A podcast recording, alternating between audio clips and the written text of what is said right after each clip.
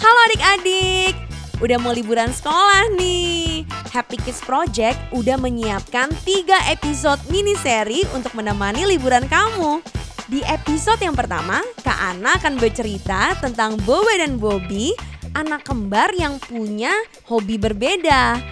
Mereka akhirnya belajar kalau suka sesuatu harus berani menyampaikan kepada orang tua mereka. Seperti apa ya kisahnya? Kita dengarkan bersama yuk.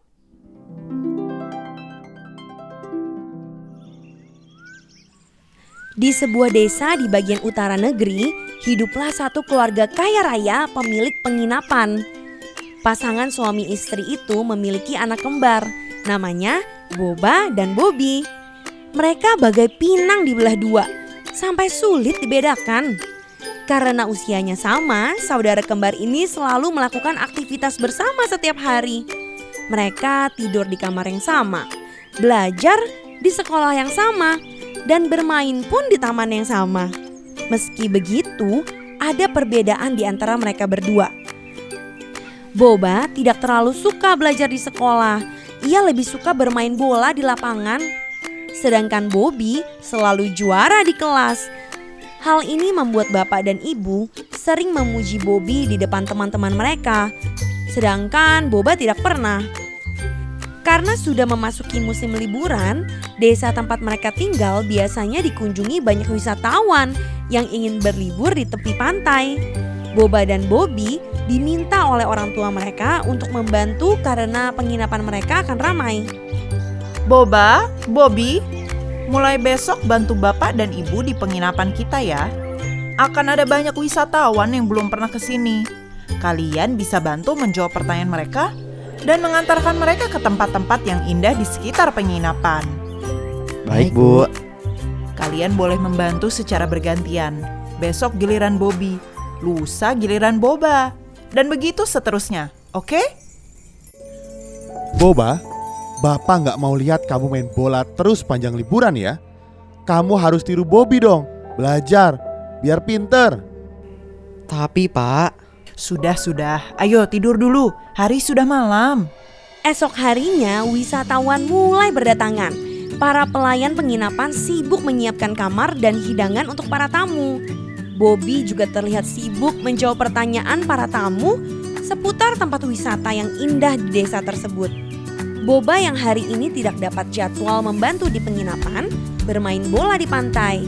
Setelah lelah, ia pun duduk di tepi pantai sambil termenung. Ternyata Boba sedih mendengar ucapan bapak semalam. Ia termenung di pantai ditemani anjing peliharaannya. Bobby, kamu ngapain di sini? Bukannya penginapan usaha orang tua kamu lagi ramai? eh Rara, aku Boba, bukan Bobby. Oh, sorry, kalian mirip banget sih. Kamu kok melamun? Iya Ra, aku lagi sedih. Bapak sama ibu selalu memuji-muji Bobby karena juara kelas. Sedangkan aku selalu dimarahi karena suka bermain bola. Hmm, Boba, kemarin aku lihat ada poster audisi pemain sepak bola nasional besok. Kamu mau daftar? Oh ya, aku mau Ra. Tapi jangan bilang-bilang ke orang tua aku ya. Mereka bisa marah besar. Hmm, oke Boba, tenang aja. Semoga kamu kepilih ya. Setelah mendengar informasi audisi dari teman sekolahnya Rara, Boba kembali ke rumah. Boba menceritakan kepada Bobby tentang keinginannya mengikuti audisi esok hari. Bobby, kamu mau nggak gantiin aku bantu bapak dan ibu besok? Mereka nggak akan tahu kalau kita bertukar tempat selama kamu memakai baju dan topi aku. Hmm, tapi kalau sampai ketahuan gimana? Bapak bisa marah besar. Ayolah Bobby, tolongin aku. Ini satu-satunya cara untuk aku buktiin ke bapak dan ibu kalau aku juga bisa dibanggakan ke teman-teman mereka. Bukan cuma kamu doang. Baiklah, besok aku akan menyamar jadi kamu dan kamu bisa pergi mengikuti audisi. Esok harinya, Boba bergegas pagi-pagi buta agar tidak ketahuan orang tuanya. Tidak disangka, bapak dan ibu mereka mendengar pembicaraan Boba dan Bobby sehingga mengirim satu pelayan untuk mengikuti Boba. Di lokasi audisi, Boba bingung karena tidak ada orang lain yang hadir.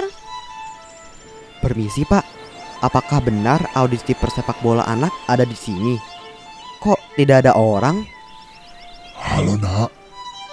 Oh, lokasi di sini dipindahkan ke lapangan bola di penginapan desa nyaman. Apa?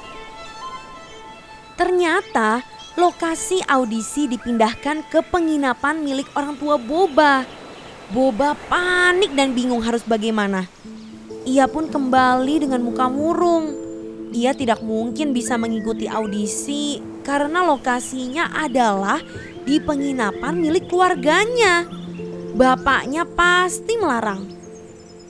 Sesampainya di depan penginapan, Boba kaget bukan main. Semua pelayan penginapan memegang spanduk berisi dukungan untuk Boba menjadi atlet sepak bola. Bapak, ibu, dan Bobby sudah menunggu di depan pintu penginapan. Boba, ayo ke sini nak. Boba tidak bisa menahan air mata bahagianya. Ia pun menghampiri keluarganya. Boba, maafkan Bapak ya. Bapak tidak tahu kalau perkataan Bapak menyakiti hati kamu. Bapak, ibu, maafkan Boba juga karena nggak jujur sama bapak dan ibu untuk mengikuti audisi. Boba, lain kali kamu boleh cerita apa aja sama kami ya. Bapak dan ibu pasti mendukung apa pun cita-cita kamu nak. Boba, semalam aku diam-diam cerita sama bapak dan ibu tentang cita-cita kamu menjadi persepak bola. Lalu mereka meminta kepada kepala desa supaya audisinya bisa diadakan di sini. Karena lapangan kita yang paling bagus di seluruh desa. Terima kasih Bobby. Aku janji akan semangat berlatih sampai bisa menjadi atlet nasional. Boba pun mengikuti audisi dan berhasil terpilih untuk mewakili desa mereka dan pergi ke kota untuk berlatih dengan pemain lainnya. Bapak dan ibunya selalu mendukung Boba di setiap pertandingan yang ia mainkan. Begitu juga ketika Bobby ikut Olimpiade Matematika. Boba dan Bobby menjadi anak yang bahagia karena bisa melakukan kegiatan sesuai kesukaan mereka.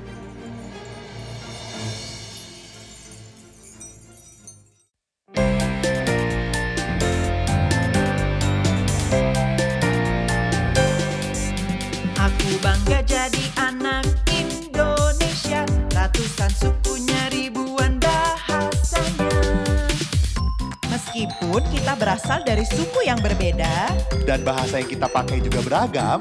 Tapi kita tetap satu Indonesia. Bineka Tunggal Ika.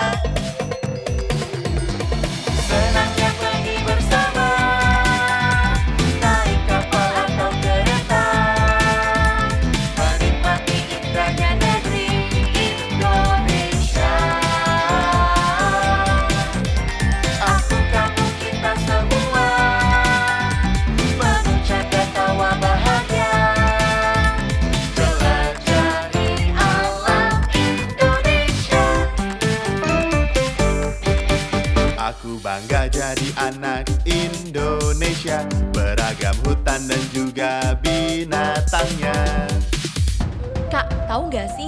Burung beo yang berasal dari Nias adalah salah satu hewan paling pintar di dunia. Dia bisa menirukan suara manusia. Oh ya, coba aku tes ya. Atur nuwun.